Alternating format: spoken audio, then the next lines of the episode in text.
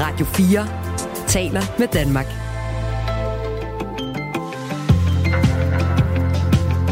Velkommen til Radio 4 morgen.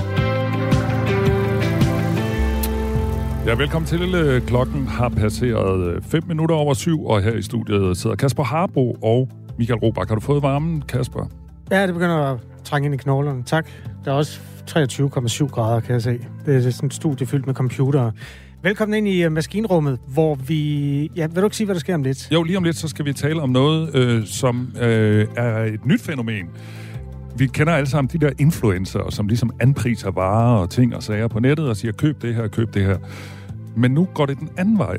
Nu er der noget, der hedder er de-influence. Det er simpelthen at sige, lad være med at købe det her. Du skal ikke købe det her. Hold dig væk fra det her. Helt nyt fænomen for mig i hvert fald. Øh, de-influencing, det skal vi tale øh, om lige om et øjeblik med Gry Høngsmark Knudsen, som er forskningschef og ekspert i sådan noget digital marketing. De mennesker, der mener, at vi skal holde os langt væk fra krigen i Ukraine, har ikke haft sådan de helt tydelige stemmer i debatten i Danmark. Øh, vi taler med nogle af dem, og det gør vi om ja, godt 10 minutter her i Radio 4 morgen. De to øh, pile går fremad. Hvis vi skal pege en lille smule tilbage, så kom vi jo som sædvanligt øh, til at øh, danse helt op til nyhederne, da to modparter i det politiske system, de diskuterede. I det her tilfælde var det diskussionen om, hvorvidt det er fair, at alle mand skal på dæk, når der skal stemmes om store bededag. Det er jo sådan en lille politisk aktion, der er sat i verden af de fem partier, der er imod. Ja, det var så spændende, så lige pludselig, jeg havde simpelthen ikke fået set på klokken, og lige pludselig var klokken syv, og så er det jo godt at have en erfaren mand som dig, Kasper, der skruer ned for lyden og siger, nu, klokken, nu, nu, nu klokken syv. Nu skal I gå. Når jeg, øhm... når jeg ikke får holdt øje med uret. Det lød ikke så super elegant, men vi siger øh, tak til Torsten øh, Schack Pedersen og... Øh, og øh, også Lars Bøje, Lars Bøje, som var med i den her debat. Vi kommer Men ikke til vi siger sandelig også tak til de mennesker, der har blandet sig i den, for der er simpelthen så mange, der skriver til os. Det er altså ret flot, skriver Kim, at høre en venstremand, Torsten Schack, snakke om, at Folketinget skal afspejle det, vælger, afspejle det vælgerne valgte ved sidste valg. Venstres vælgere har for 80% ikke valgt den nuværende regeringskonstellation, påpeger Kim. En anden skriver, ingen vidste, at den helligdag ville blive afskaffet, så flertallet kan jo aldrig repræsentere folket. De må ned og stemme, lyder synspunktet. Øh, ja, tak det, til dem, der det, det er simpelthen bare stor bededag. Det er simpelthen bare diskussion, der er simpelthen aldrig nogensinde kommer til at dø. Eller også dør den om få dage. Ja, det kan også godt være.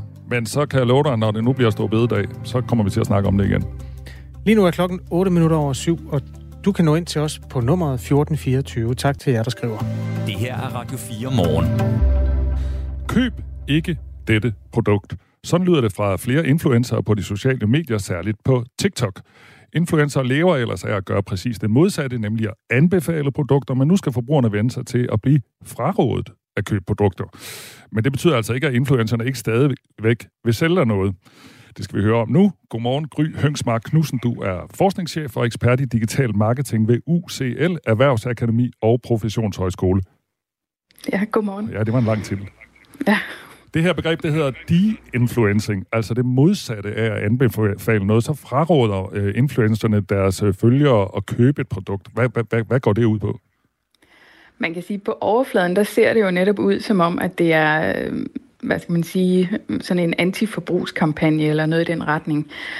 Men når man kigger ned i videoerne, så er det jo tit, at de forsøger bare at sælge noget andet, end det de så siger, du ikke skal købe. Så man kan sige, at det er sådan en måde at prøve at, at, at tale dig fra at købe nogle, nogle bestemte ting, og så få dig til at købe nogle andre ting. Nu har jeg ikke set sådan en video. Altså, er det ligesom at sige, nej, Coca-Cola smager helt vildt dårligt, og underforstået, så skal du købe en Pepsi, eller, eller, eller hvordan ser det ud? Nej, altså der er jo flere af dem, der faktisk siger, prøv at se det her dyre produkt, eller det her produkt, der ikke er bæredygtigt, eller det er produceret i en sweatshop. Det skal du ikke købe, nu skal du se det her produkt, det skal du købe. Ah. Og hvordan adskiller det her så, så sådan fra det, vi vil kunne kalde normal markedsføring på de sociale medier? Altså hvis vi taler om influencer, så kan man sige, at det, det adskiller sig jo ved, at de plejer kun at tale om de produkter, de gerne vil sælge. Mm. Så på den måde er det jo sådan en form for, altså det er jo noget med at stille sig i modsætning til et eller andet, så det bliver tydeligt, hvad måske det andet produkt har af fordele. Er det tilladt? Må man godt, øh, må man godt øh, tale grimt om, øh, om nogle produkter? Jeg ved, hvis i tv-reklamer for eksempel, der må man kun tale om sine egne produkter, og der må man ikke øh, nedgøre andres øh, produkter. Ja, altså, øh, jeg, jeg skal lige sige, at jeg er ikke øh, jurist, men man må gerne sige, at du skal ikke købe det her. Man må selvfølgelig ikke begynde at... Altså, man må ikke lyve om det og sådan nogle ting. Øh, men, men man må godt sige, lad være med at købe det her, du, må godt, du skal købe det her. Mm. Virker det egentlig bedre end sådan normal influencing, eller normal reklame på nettet, altså af de her influencer? Altså, det er jo svært at sige øh, endnu, kan man sige, fordi det er jo ikke et, et fænomen, der har eksisteret særlig lang tid. Det, man kan sige, det er, at man kan måske godt lige øh, flytte noget forbrug fra, fra nogle produkter til nogle andre. Altså, det er jo tit produkter af samme type, de, de så taler om. Så på den måde kan man måske godt lige umiddelbart flytte øh, et forbrug over på nogle bestemte produkter. Men det er nok ikke noget, der sådan kommer til at revolutionere øh, influencer marketing. Det vil jeg ikke tro. Kan det egentlig være, være svært at gennemskue altså for, for børn og unge mennesker, som jo er dem, der tit færdes på TikTok, at den her metode, hvis du forstår, hvad jeg mener, altså øh, at man ligesom gør det omvendt. Det er jo nemt at gennemskue, at nogen siger, her er en smadret lækker t-shirt, køb den. Altså man kan sige, det er jo altid sådan en vis, der er jo en periode, hvor vi lige skal lære, hvad er det her. Så der, så der går lidt, inden vi bliver rigtig kritiske, men, men børn er faktisk også øh, ret gode til at gennemskue, når nogen vil sælge dem noget. Altså så, så man kan sige, det kan godt være, at de lige umiddelbart hopper på det, men, men der går nok ikke ret lang tid, før de har gennemskuet det her fænomen. Tendensen er primært øh, set i USA, altså influencer i USA. Kommer det her fænomen også til Danmark, eller findes det allerede? Altså, jeg har ikke set det i Danmark, men jeg vil da tro, at, at hvis det ikke er her, så er det på vej. Mm. Øh, så altså, vi plejer at overtage de der trends. Øh, ja. Og man er ikke i tvivl om, når man ser det, hvad det er. Altså, fordi det, er, det starter med, at nogen siger, du skal ikke købe det her, og så ender det så med, at de så siger, men du skal købe det her. Ja, altså det, det plejer at være ret tydeligt, hvad de er ude på. Det er godt. Tak fordi du gjorde os klogere, Gry Høngsmark Knudsen, som altså er forskningschef og ekspert i digital marketing ved UCL Erhvervsakademi og Professionshøjskole. Ja, velkommen.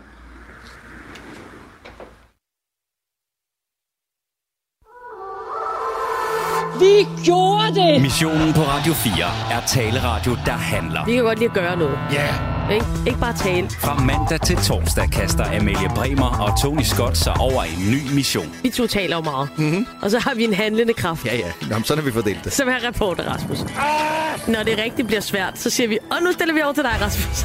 det skal du gøre. Lyt til missionen i eftermiddag fra 15 til 17. Radio 4 taler med Danmark.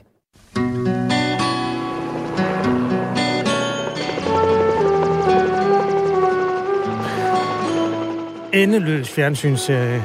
MASH. Ja. Er det ikke? Jo, det er MASH. Om øh, et amerikansk felthospital i forbindelse med Koreakrigen.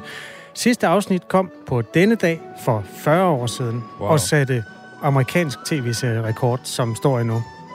Der sad 106 millioner amerikanere og så det her.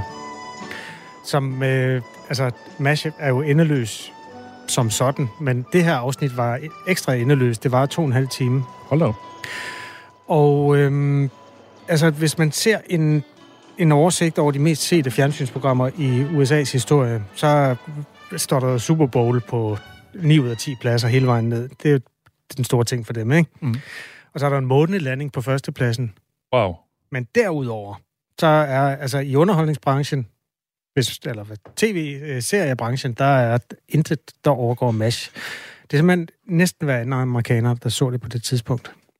Og det vi kan være helt sikre på, det er jo øh, den slags øh, tal, der bliver aldrig overgået, fordi nu sidder folk og ser Netflix og alt muligt andet. Så jeg gætter på, at den der rekord, den kommer til at stå til tid og evighed fra den gang, hvor folk ikke var på internettet og sad foran deres fjernsyn klokken 8 og tændte for at se, hvad sker der nu? I hvert fald i amerikan... Jeg tænder lige musikken igen, det er sådan et dejligt stykke musik. Øh, I hvert fald i amerikansk kontekst. Nu er der jo nogle lande, Indien og Kina, og jeg kender ikke seriemarkedet der, men det kan da godt være, at man kunne svinge sig op på at have 100 millioner ja. serier, uden at nogen blev skræmt væk af det. Mm. Her i Danmark har vi også været temmelig lojale. Også fordi vi havde jo faktisk kun én fjernsynskanal, hvor amerikanerne har haft nogle stykker at vælge imellem. Kan du gætte, hvad der øh, er den mest sete tv-serie nogensinde? Og det mest sete afsnit nogensinde? Uh, jeg, jeg vil umiddelbart sige Matador. Og det er rigtigt. Og skal jeg også gætte afsnittet? Er der et særligt godt afsnit, så er det måske der, hvor... Øh, nu gætter jeg bare. jeg ved ikke, hvad det hedder, men hvor herr Stein flygter med, øh, med Modes hjælp. Ja, det er også et godt afsnit. Det er nemlig et rigtig godt afsnit. Spøjst nok, så er det 9. afsnit, og det er i genudsendelsesrækken. Der er i 1985, hvor man genudsendte Matador første gang. Der blev 9. afsnit det, der blev set mest. Af en eller anden grund. 3,6 okay. millioner. Men ellers, øh, naturligt nok måske, det sidste afsnit i Matador havde rekorden indtil da. 3,5 millioner mennesker, det vil sige to ud af tre danskere. Det er jo fuldstændig vanvittigt. Det er fuldstændig vanvittigt. I dag skal man være glad, hvis der er en halv million, der sidder og ser et program. Ja, der var 700.000, der så øh, X-Factor i fredags. Ja. Så det kan der så gøre. Ja.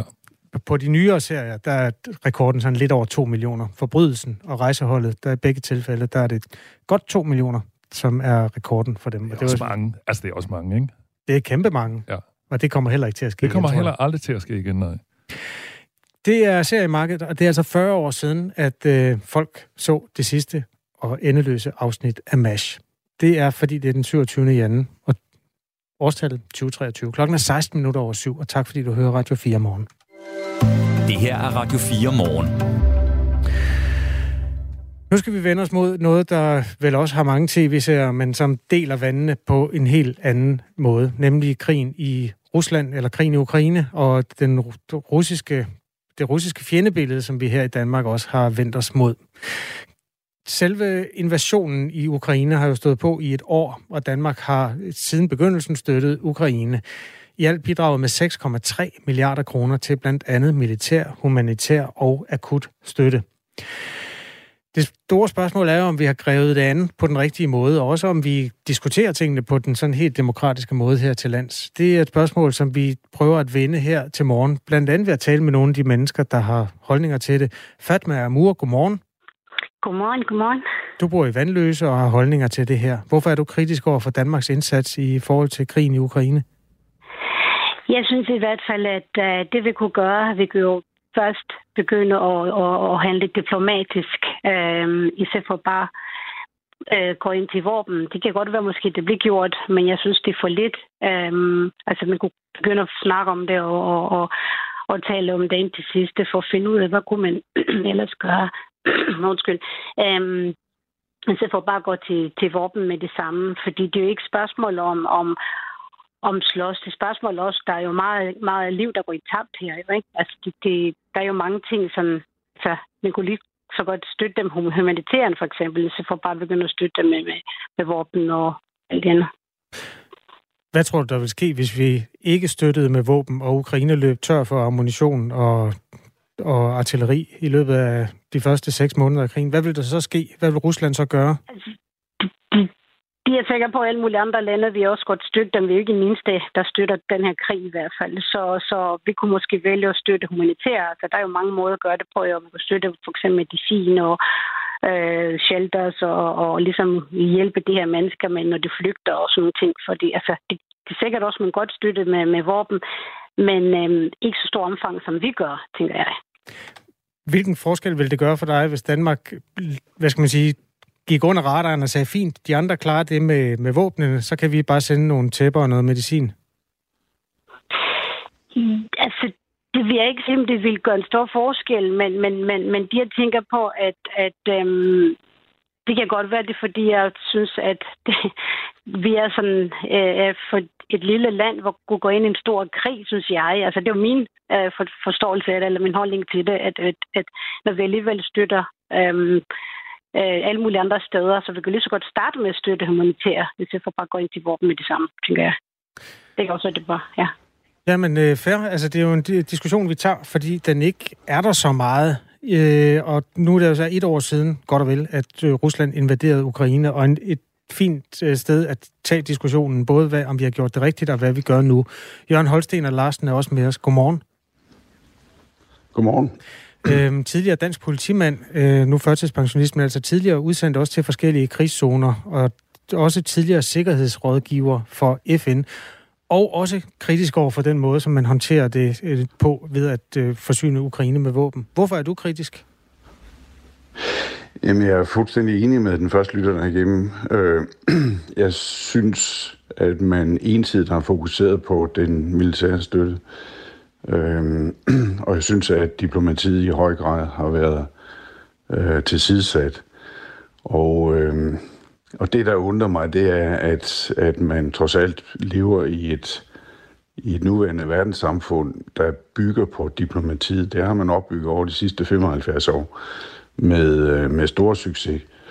Øhm, men pludselig virker det som om, at diplomatiet ikke har en, en chance. Det kan bare ikke være rigtigt, fordi man jo både har FN, man har haft OSCE, man har øh, andre store internationale organisationer, der øh, både sikrer fred, men også øh, samarbejde øh, i, en, i en fremtidig øh, verdensorden, som vi er nødt til at tage med i, i et perspektiv, som jeg synes egentlig er for, for snævert i den her sammenhæng. Nu er det jo et kæmpe tæppe af forhistorie, der vil jo sammen. Hvis man diskuterer Ukraine og Rusland og grænsedragningerne og fløten med NATO og alt det der, så vil der altid være mulighed for at sige, ja, men inden det, så skete der noget andet. Så derfor er det svært at sætte en, en fod ned og sige, her starter historien. Men ikke desto mindre, blandt andet var Rusland og Kina jo for otte år siden, øh, altså ikke særlig interesseret i, at, øh, at man lagde den der borgerkrig ned, som udspillede sig. Altså Rusland var jo interesseret i, at, at øh, den, de russiske interesser i landet blev, blev styrket. Og, og på den måde, ligesom Vesten står i, i den tilsvarende situation nu og siger, at vi vil gerne, vi støtter en vestligt tænkende øh, type som Zelensky, at den, den konflikt er jo endeløs. Så hvorfor er det, hvad skal man sige, den, den russiske måde at se det på, som, som er at skal, skal forstås mere end den vestlige måde at se den på? Det synes jeg heller ikke, jeg giver udtryk for, at jeg synes, øh, det, som jeg, det som jeg synes øh, øh, mangler i, i hele debatten omkring øh, krigen i Ukraine, det er jo det øh, diplomatiske perspektiv. Øh, og det synes jeg i høj grad har været underspillet. Og ser man på, hvordan og ledes at, øh, at øh, EU-parlamentets egen meningsundersøgelser øh, tager sig ud i, i forskellige lande, øh, så er det jo øh, bemærkelsesværdigt, at man ser en stigende øh, modstand mod krigen og et, et, en stigende interesse for at gå ind i en, en diplomatisk forhandling. Øh, det, er ikke, det handler ikke om, om i første omgang om, om grænsedragning. Det handler i første omgang om at få en, en våbenvin. Og så må man derfra øh, og det bliver en lang, det bliver en sej kamp, men derfra må man forhandle en fred. Og øh, den fred, det er jo det, som den nye verdensorden kommer til at blive baseret på. Så det er ikke bare en fred i forhold til Ukraine, det er også en, en, en europæisk fred med øh, Rusland. Og det synes jeg er, er ret vigtigt øh, at understrege. Jeg er ikke øh, øh, anti-ukrainsk eller pro-russisk, øh, men jeg synes, at, at debatten mangler nuancer, og øh, den mangler i, i hvert fald i høj grad mm. øh, alternative måder at se på, hvad er det, vi skal. Øh, vi er ikke ret langt fra en krig i, øh, i Afghanistan, hvor det tog 20 år at udskifte Taliban-styre med et øh, Taliban-styre. Øh, det synes jeg er værd at tage med i, i overvejelserne. Men der er jo stadig sket det, at Rusland har invaderet Ukraine. Det er korrekt. En af vores lyttere skriver... Øhm... Det er vigtigt at få, at, at få nogle samtaler i gang omkring det her. Mm. Fordi Rusland er lige så meget interesseret i at, øh, at få en rolle i, øh, i øh, fremtidens øh, øh, geopolitiske spil, og, og der er, er forhandlinger simpelthen en, en nødvendighed. Altså, vi er oppe imod verdens øh, største atommagt. Det, det, vi kan ikke... Altså, vi, vi, når ikke, vi når ikke det mål, som der er åbenbart til Sydlægen, i hvert fald i mange debatter, øh, tager sig ud som, at, at Rusland skal nedkæmpes. Det, det, er, det er utænkeligt, altså. Morfar skriver, der var også stærke røster i 1940, der talte for, at Hitler skulle håndteres diplomatisk. Verden havde set anderledes ud, hvis det var sket. I dag bør vi diskutere den modsatte løsning. Havde vi sat stolen for døren hos Putin i 2014, var vi aldrig kommet i den situation, vi er i nu, skriver morfar med reference til, hvornår krigen brød ud, altså for otte år siden. Øh, kører du sammenligningen med Hitler? Altså dengang var der jo også alt det der peace in our time, der kuldsejlede fuldstændig. Ja, men, men, men, men det, er jo, det, er jo, det er jo sådan nogle af de her ting, som virkelig har irriteret mig i debatten, det er, at den her koldkrigsretorik og, og i øh, konstant at trække eksempler frem fra, fra situationen omkring 2. verdenskrig, det er jo egentlig at købe øh, øh, Putins dagsorden. Det er jo det, han også ønsker, vi gør. Nej, vi lever altså ganske vist i en, en, en noget anderledes verden, end den så ud i 1940 eller 39. Vi er simpelthen nødt til at tage afsæt i, hvad er det, vi har nu. Og, og vi har jo netop, som jeg indledte med at sige, opbygget over de sidste 75 år et, øh, en verdensorden, der bygger på diplomati. Og det har vi i rigtig, rigtig mange sammenhænge haft meget stort held med. Vi har tværtimod ikke haft særlig meget held med militære indsatser rundt omkring. Mm. Så, så derfor køber jeg ikke den. Vi taler med Jørgen Holsten og Larsen og Fatma Amur, som begge har holdninger kritiske holdninger til den danske indsats øh, siden invasionen i Ukraine i, for et år siden? Øh, Jørgen Holsten og Larsen, jeg kunne godt tænke mig at spørge dig. Jeg har en ven på Facebook, der skrev sådan nogenlunde det samme, som du lige har sagt. Og det gav altså et like og 15 ekstremt vrede kommentarer. Hvordan oplever du, når du kommer ud i samfundet, om man så må sige, og siger de her ting, som du siger til os her til morgen? Er, altså, er der plads til at mene noget andet end den gængse holdning? Altså, hvis man tager sig pladsen til det, så er der jo selvfølgelig plads til at mene noget, øh, som andre ikke mener. Men det er da fuldstændig korrekt. Det er da ikke noget, der høster mange øh, kokkehuer. Men, men jeg synes øh, til gengæld, den er, det, det er et vigtigt indspark i debatten. Og så vil jeg igen øh, understrege, at jeg er jo ikke pro-russisk. Jeg er jo heller ikke anti-ukrainsk. Altså, øh, jeg, jeg synes bare, det er vigtigt at få nogle andre perspektiver på, hvordan er det, at vi, vi øh, fremadrettet sikrer en fred og også fik, sikrer en plads i Europa øh, til Rusland i en, i en fremtidig øh, verdensorden. Altså, det, det er vi simpelthen nødt til at have med ind i overvejelserne, inden at vi begynder at sende øh, hovedløst øh, yderligere øh, krigsmateriel til, til krigen. Fatma Mur fra Vandløse, har du også oplevet det? Altså, at det er et meget følsomt emne, og man skal passe på, hvad man siger, og man skal passe på med at ja, stille spørgsmålstegn ved indsatsen? Ja, det har jeg faktisk. Og det synes jeg er et eller andet sted øhm, lidt, lidt ærgerligt, at man ikke kan komme med sin egen holdning, eller man ikke må sige sine egne holdninger og have sine egne holdninger, hvor vi måske vi føler nogle gange, at vi skal alle sammen være for og ikke imod. Og det, det er ikke fordi, man er for for at være for, det er heller ikke fordi, man er imod for at være imod. Man skal også tænke på, at hvilken situation vi er i, og vi, altså, det her krigen, det drejer sig ikke kun om, om, om os, der er i fred. Det drejer sig om de mennesker, som, som er i krigen, og det er ikke, det er ikke spørgsmål om, hvor mange mennesker, der dør. Det er spørgsmål også om, der er jo mange ting, der går i stykker her jo. Altså, det er jo sådan set vedrører hele verden et eller andet sted, tænker man. Ikke? Både økonomisk mm. og, og, og, og, hvad hedder det, det mentalt og så videre. Så vi skal tænke på, at det ikke spørgsmål, du... du Men hvordan har du oplevet det, at øh, der er blevet, altså, at det er blevet modtaget ufredeligt, når du har prøvet at diskutere det her mere nuanceret, altså om Danmark skal støtte Ukraine med våben? altså der mange gange, når vi selvfølgelig reagerer på noget, enten har vi forstået det, eller har vi ikke forstået det, øh, budskabet af det. Det skal man også lige tænke på det. Altså, det, det kan godt være, at, at personen har en anden holdning, end jeg har omvendt, men, men det er ikke ens betydning, at min holdning er korrekt, eller din holdning er korrekt. Det er spørgsmål at finde den diplomatiske løsning også i det her, for at forstå, hvordan tingene bliver grebet ind på. Tak fordi du var med hos os i hvert fald, og vil uh, diskutere, hvordan du ser på det. Fatma Amur, god dag. Tak skal du have. Og også tak til dig, Jørgen Holsten og Larsen. Ja, selv tak. Som altså er dansk tidligere dansk politimand, der har været udsendt i krigszoner. Og sådan har vi jo alle sammen det bagtæppe, som vi opfatter verden ud fra. Øhm, du er velkommen til at være med til at diskutere de her ting og nuancere de her ting, hvis du har lyst til det. Øh, skal vi tage nogen? Ja, lad os lige tage en enkelt sms, øh, som også er øh, inden for genren øh, noget, vi ikke hører så tit i hvert fald sådan i, i medierne. Det er Kantan, der skriver. Zelensky er bundkorrupt. Han er ikke en skid bedre end de andre ledere.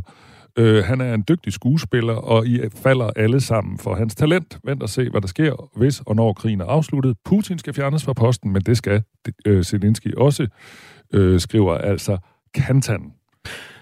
Du er velkommen til at underbygge din påstande, hvis man skal bruge sådan nogle ord som, som korrupt. Men altså, man kan jo godt løbe med ham så langt, at øh, det er i vores tid tilladt at sige hvad som helst om Vladimir Putin, og man skal åbenbart øh, gå mere forsigtigt til værks med Zelensky. Det har Kansan så vendet sig af med.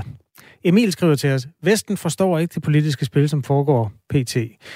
Øh, Kina har vi gjort os afhængige af, og nu får Rusland os til at bruge mange penge, som skulle have været banket af på den gæld, der kommer under corona. Vi pisser på vores velfærdsmodel, fordi vi ikke kan finde penge til sygeplejersker, pædagoger og andre i det offentlige, men vi kan skyde penge afsted, som var det ønsker til jul. Det er forkasteligt at man er forblændet af det vestlige syn på verden. Det er bare helt forskruet og ikke et rigtigt billede af verden. Selvfølgelig er det skræmmende, men vi har konfliktoptrapning, og vi har gjort det over en længere periode, skriver Emil. Og nu er klokken halv otte, og det er blevet tid til nyheder. Nu er der nyheder på Radio 4. Antallet af unge brugere af røgfri nikotinprodukter stiger. En ny undersøgelse fra Sundhedsstyrelsen viser, at 12,9 procent af unge mellem 15 til 29 år dagligt eller lejlighedsvist bruger røgfri nikotinprodukter. For et år siden var der tale om 11,4 procent. Røgfri nikotinprodukter omfatter blandt andet snus, tykketobak og nikotinposer. Og enhedschef i Sundhedsstyrelsen, Nils Sandø, er bekymret over udviklingen. Dels så skal man jo ikke som, som barn og ung være afhængig af nikotin, og det bliver man altså meget hurtigt af de her stoffer. Og dels så har det også øh, nogle konsekvenser i forhold til, til udvikling af hjernen og øh, i forhold til, til forskellige andre sygdomme, øh, som man kan få som følge af at bruge nikotin. Undersøgelsen viser, at omkring halvdelen af de 15-17-årige forbrugere selv køber produkterne i supermarkeder, kiosker eller på tankstationer, og det er ulovligt. Man skal nemlig være over 18 år for at kunne købe tykketobak og nikotinposer, og i Danmark er det forbudt at sælge snus. Det er jo et udtryk for, at den lovgivning, som der er på området, den ikke bliver overholdt. Øh, de tilsyneladende øh, i øh, butikkerne ikke, ikke tager det alvorligt. Det kan måske være, fordi at enten de tænker, at risikoen for at, at, at blive opdaget er, er så lille, eller at de tænker, at konsekvenserne de er for små, så den risiko vil de godt løbe.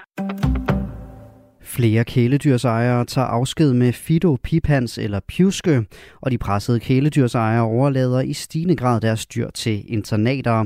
De seneste tre år er antallet af såkaldte sociale sager hos dyrenes beskyttelse steget fra 600 i 2020 til 915 sidste år. Sociale sager er ifølge dyreværnschef Yvonne Johansen sager, hvor ejeren ikke har haft råd og overskud til at have kæledyret på grund af et mistet job, eller fordi de er blevet ramt af sygdom eller misbrug. De har ikke et stort netværk. De øh, kan være ensomme. Og det ser kommer så til udtryk for, når de øh, har brug for indlæggelser eller bliver syge, eller på en anden måde bliver ramt af livet, hvor de ikke længere kan tage vare på sig selv, så kan de heller ikke tage vare på de kæledyr, de har. Og det er så typisk her, at vi øh, kommer ind i billedet. Det er ofte hunde og katte, der bliver indleveret, fortæller hun. Hele sidste år endte 2.539 kæledyr i dyrenes beskyttelsesvaretægt, og dyreværnschefen forventer, at udviklingen den vil fortsætte, og det lægger altså pres på dyrenes beskyttelse, både i forhold til at finde plads til dyrene og finde penge til at løse opgaven. Det er jo nogle ejere, som har brug for noget støtte, og som måske ikke altid er muligt at kommunikere med, hvor vi så skal have andre sundhedspersonale for eksempel, eller andre kontaktpersoner ind over, og det gør jo alt andet lige ting, øh, tager mere tid, når man skal gå flere veje rundt. Og så selve håndteringen af de dyr, som øh, så ender med at komme til vores internater, der er jo også et meget stort stykke arbejde med at få dem øh, vurderet og passet og gjort klar, så de øh, kan komme ud i nye gode hjem. Grækenland frygter, at et stort antal flygtninge vil søge mod landet som følge af det voldsomme jordskælv i Tyrkiet. Derfor har Grækenland nu indsat hundredvis af ekstra grænsevagter, som skal patruljere langs grænsen til Tyrkiet, både til lands og til vands. Det oplyser landets regering ifølge det britiske medie The Guardian. Jordskælvet ramte den sydøstlige del af Tyrkiet i begyndelsen af måneden og har gjort tusindvis hjemløse i både Tyrkiet og nabolandet Syrien. Den græske migrationsminister opfordrer til at skrue op for den humanitære hjælp til de jordskælvsramte områder. Det skal ske for at undgå, at de berørte indbyggere begynder at rejse ud af Syrien og Tyrkiet. Selvom det er en noget kold morgen, så byder dagen på tørt vejr med lidt eller nogen sol, men mod sydøst dog perioder med mere skyet vejr. Temperaturer op mellem 4 og 8 graders varme og svag til jævn vind mest omkring nord. Der er risiko for glatte veje her til morgen. Det var nyhederne her på Radio 4 med Asbjørn Møller. Du lytter til Radio 4 morgen. Husk, du kan skrive en sms til os på 1424. Godmorgen og velkommen til. Der er vel tre udfald. Putin bliver smidt ud af Ukraine. Det er mange, der ønsker, men det er realistisk. Hmm. Så er der nummer to. Putin besætter Ukraine og opnår det, han vil. Og så er der en tredje. mulighed, og det er Michael, der skriver de her tre muligheder. Putin opnår lidt land, Ukraine bliver delt. Det går helt ondt at skrive det, men bare Putin opnår så lidt, at han ikke gør noget lignende igen. Det kunne være målet for os. Han bevarer æren i sin lille kreds, men har lært, ja, at Vesten kan stå sammen. Det er ikke så let at erobre, og det har kostet ham dyrt økonomisk og på liv. Lyder analysen fra Michael, der lige samler op på, hvordan krigen kunne ende. Altså den russiske invasion, som er et år og tre dage gammel. Og det gør han jo blandt andet, fordi at vi den her morgen prøver at høre nogle af de stemmer, vi ikke hører så tit i debatten om Ukraine. Altså nogen, der synes, vi skal gå en anden vej end at sende våben øh, til Ukraine. Og øh, vi talte med to repræsentanter af det synspunkt øh, før nyhederne, og det er en kommentar til det, Michael kommer med her.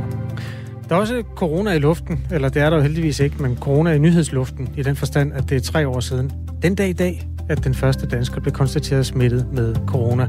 Han fik sin helt egen presmeddelelse udsendt fra Statens Serum Institut. Siden blev det hverdag på den dårlige måde, og nu er det hverdag på den gode måde, ved det, at øh, pandemiflaget snart bliver sænket fra WHO's hovedkvarter. Den vender vi tilbage til lige om et øjeblik. Ja, så kan vi også lige gøre lidt reklame for, at vi taler med vores øh, politiske redaktør, øh, Thomas Larsen, om cirka 10 minutters tid. Øh, og det handler om de her clearinger. Altså clearinger er sådan uformelle aftaler mellem folketingsgrupperne, der gør det muligt for folketingsmedlemmer at være fraværende til afstemninger. Men nu har SF, Danmarksdemokraterne, Enhedslisten, Dansk Folkeparti og Nye Borgerlige altså ophævet de her clearinger, når der skal stemmes om stor bededag i tredje behandlingen i morgen. Og Thomas Larsen skal prøve at skære igennem. Vi havde en debat tidligere på morgen. Øh, skal prøve at skære igennem. Er det her politisk drilleri, eller giver det mening? Øh, vi taler med Thomas Larsen om cirka 10 minutter. Det er et skrækkeligt ord, clearinger. Der er ingen, der kender det, og det, det eneste, jeg kender, det er det der med clearing, drab, øh, sådan noget likvidering under besættelsen eller sådan noget. Ja. Men det er sådan en slags fredsaftale, ikke?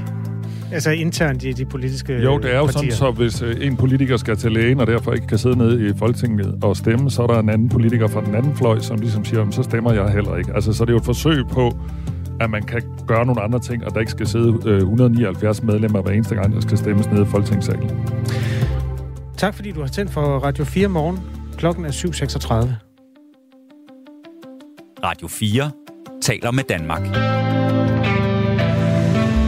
For tre år siden kom den her pressemeddelelse fra Statens Serum Institut. Danmark har fået sit første covid-19-tilfælde. Statens Serum Institut har i nat analyseret en halspodning fra en mandlig patient og kunne bekræfte, at prøven var positiv for ny coronavirus, kaldet SARS-CoV-2.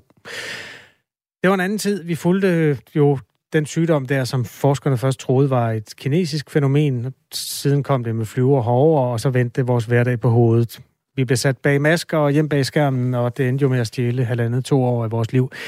Øh, men nu tre år efter tegner det meste altså til, at covid-19's status som pandemi ganske snart er en saga blot. Det fortæller Flemming Konradsen, der er professor i global sundhed ved Københavns Universitet.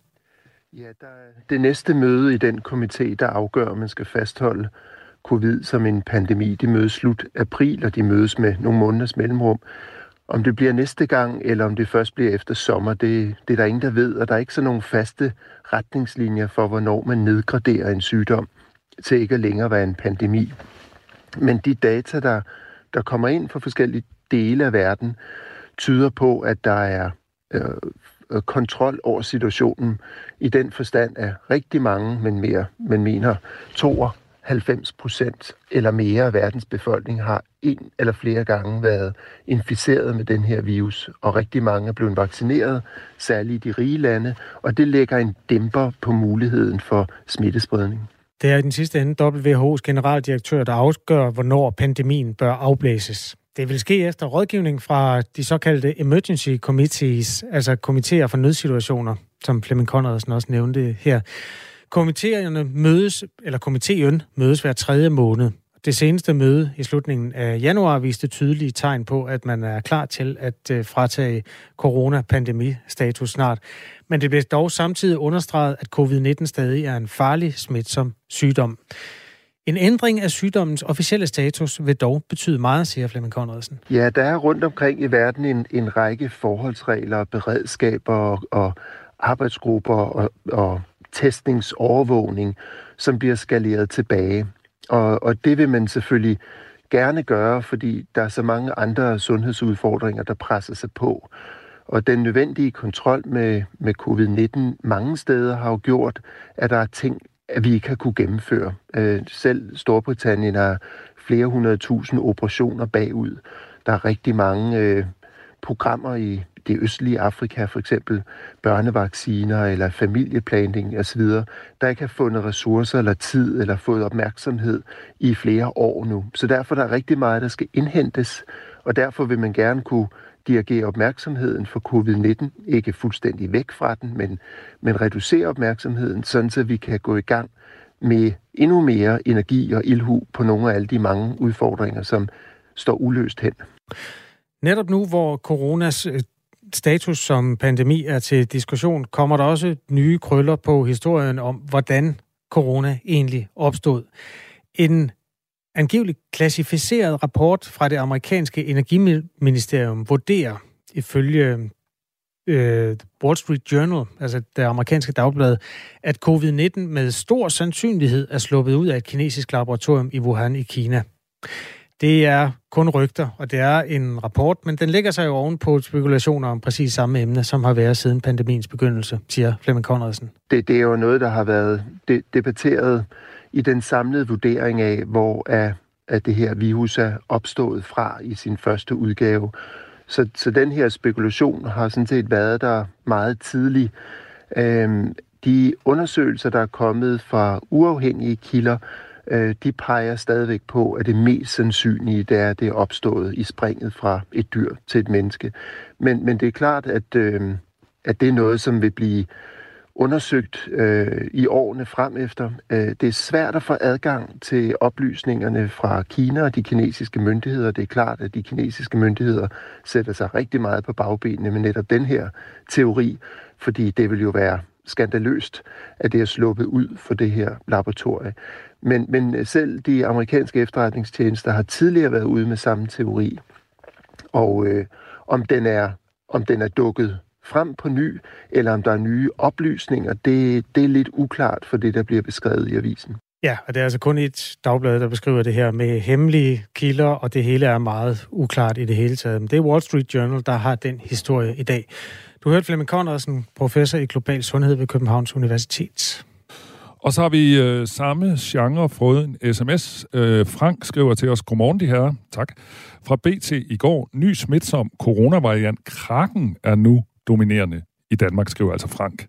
Kraken var et gigantisk, måske er det stadig, man ved det ikke, man kender jo ikke havbunden øh, sådan helt til bunds, et gigantisk havmonster, der så, altså en, en form for blæksprutte, som jeg forstår det, som er livsfarligt. Og det er jo historien om corona, altså jo længere tid vi har haft den, desto mere bloddrøbende navne skal de have, før vi øh, kan lave overskrifter på dem her i medierne.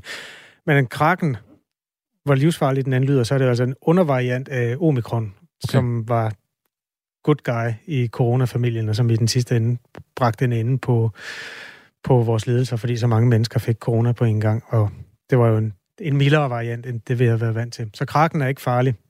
Altså, den kraken, den rigtige kraken er farlig. Tak for sms'en, Frank. Du lytter til Radio 4 morgen.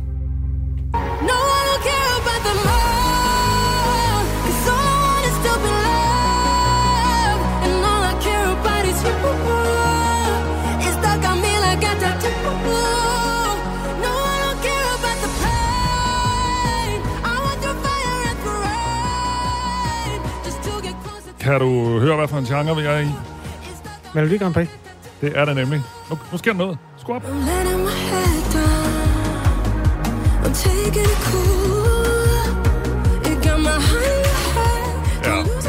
Hvad sker der helt præcist? Udover at vedkommende synger videre. Jeg havde bare en fornemmelse af, at den nu tog det til, til kom, et nyt max. Nu kom vindmaskinen. Ja, vindmaskinen og øh, de tyske trommer og alt muligt andet. Nå, nu skal du høre. Ja. Øh, og alle de andre, der lytter med. Sangen her hedder Tattoo. Og øh, den er dame, der synger, hedder Loreen. Og i Sverige, der holder de jo Melodi, Melodi Grand Prix i, altså i mange, mange omgange. Og det var der så i lørdags, hmm. hvor Loreen sang den her sang. Nå, var det ikke hende, der vandt for mange år siden? Ej, var du god. Ja, tak. Hun, hun vandt i uh, 2012 i Baku med en sang, der hed Euphoria. Det er rigtigt. Den lød lige sådan. Fuldstændig en til en lige sådan. Hun har bare skiftet øh, ordet Euphoria ud med... Tattoo. Tattoo.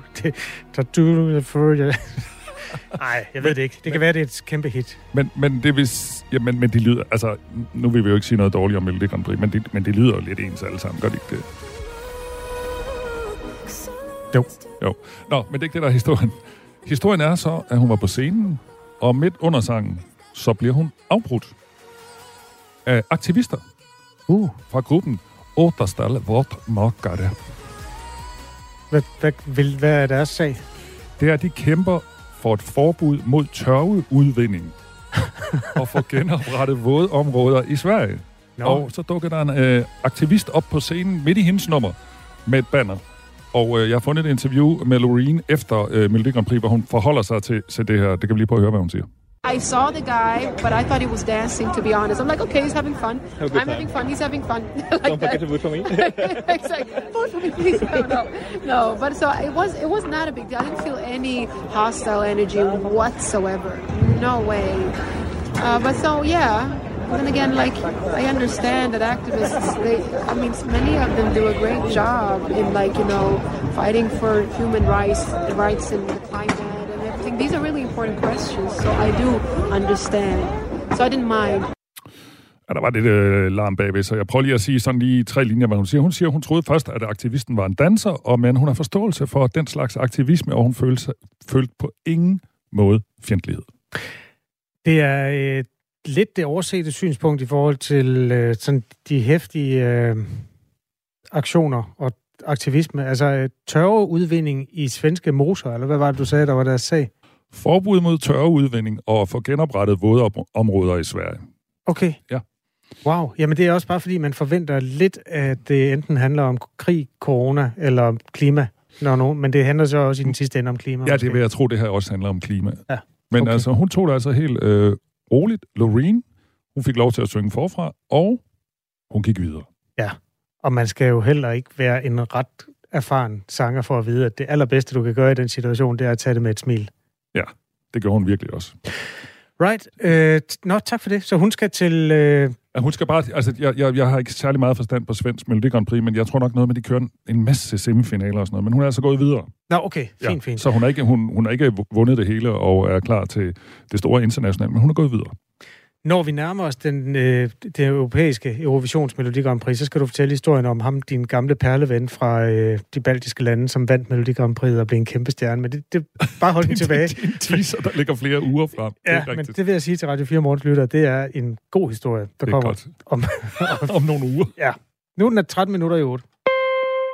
Radio 4 taler med Danmark. Folketingssalen bliver mere end almindelig fyldt i morgen, når lovforslaget om at afskaffe Stor Bededag skal gennem den tredje og sidste behandling i salen. Partierne SF, Danmarksdemokraterne, Enhedslisten, Dansk Folkeparti og Nye Borgerlige vil nemlig ophæve de såkaldte clearinger, der normalt gælder i Folketinget. Og de her clearinger, det er sådan nogle uformelle aftaler mellem folketingsgrupperne, der gør det muligt for medlemmerne at være fraværende til afstemninger nede i Folketingssalen, uden at det får konsekvenser for det, man stemmer om. Men de her fem partier, der har ophævet clearingen, mener, at spørgsmålet om stor bededag har så principiel karakter, at de vil tvinge så mange politikere som muligt ned i Folketingssalen og trykke på knappen, når der skal stemmes for eller imod afskaffelsen. Så kan jeg sige godmorgen til Thomas Larsen, vores politiske redaktør. Godmorgen.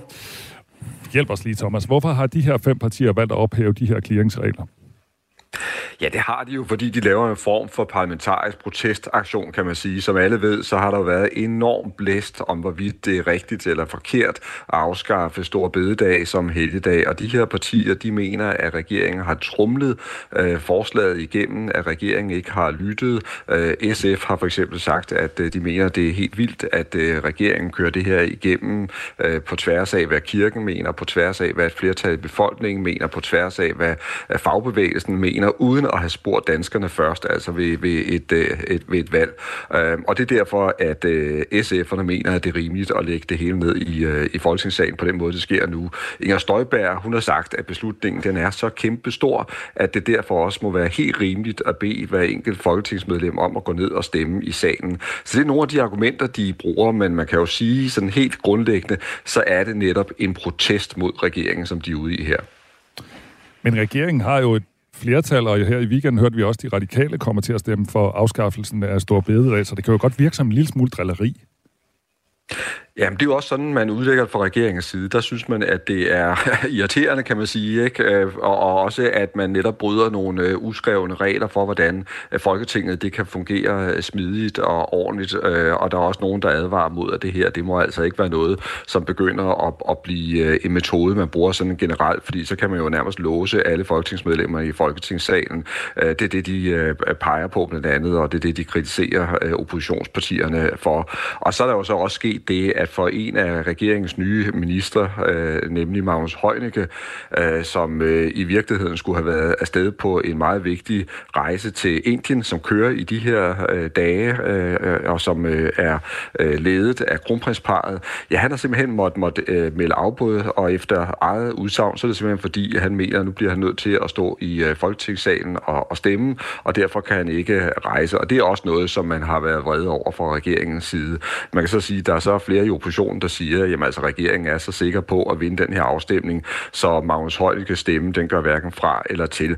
Men grundlæggende, Michael, så er det her jo udtryk for, at øh, stemningen mellem regering og opposition er rigtig, rigtig dårlig, både generelt, men altså i særdeleshed også på grund af den her sag om Stor Bededag. Jeg taler med Thomas Larsen, vores politiske redaktør. Lad os lige prøve at blive lidt klogere på, hvad de her clearingsaftaler er. Det er altså en politisk aftale mellem partigrupperne i Folketinget, som gør det muligt for medlemmerne at være fraværende fra de ugenlige afstemninger i salen, uden at det får konsekvenser for den lovgivning, der stemmes om. Og alle behøver derfor ikke at være til stede hver gang, og medlemmerne kan passe deres øvrige politiske arbejde, hvis de har møder eller andet. Det er det enkelte parti, der selv planlægger dag for dag, hvem der stemmer og hvem der er clearet, men der skal deltage mindst 90 folketingsmedlemmer i en afstemning. Og tidligere på morgen, Thomas, der, øh, der talte vi med Lars Bøge Mathisen fra Nye Borgerlige. Lad os lige høre, hvad han siger om det her med, at de har besluttet at ophæve clearingsaftalerne. Der var ingen, ingen af de tre partier, som sidder i regeringen, som gik til valg øh, på det her før. Der var ingen, der havde nogen som helst idé om, at man fjernede stor bededag. Det gør man nu, og derfor synes vi, det er en principiel debat, og vi synes, det er vigtigt, at vælgerne derude, de ved, hvem det er, der står bag. Lad os lige prøve at stoppe op her, Thomas. Altså, det er sådan et argument om, at det er vigtigt, at vælgerne ved, hvem der står bag. Altså, at de her clearingsaftaler er ophævet, så man kan se på hver enkelt, enkelte folketingsmedlem stemte du for eller imod stor bededag. Hvor, hvor, hvorfor er det vigtigt for, for nye borgerlige? Ja, det er det ikke kun for Nye Borgerlige, men også for flere af de øh, andre partier, der øh, ønsker at lave den her øh, protest. Altså, de ønsker nærmest, at det bliver ført til protokol, at den og den politiker fra regeringspartierne valgte simpelthen på x dato i Folketinget, i parlamentet, at stemme for, at, at Stor Bededag skulle elimineres som, som helligdag. Det er, det er simpelthen det, som de ønsker at få frem her, få ført til protokols og få skrevet ned.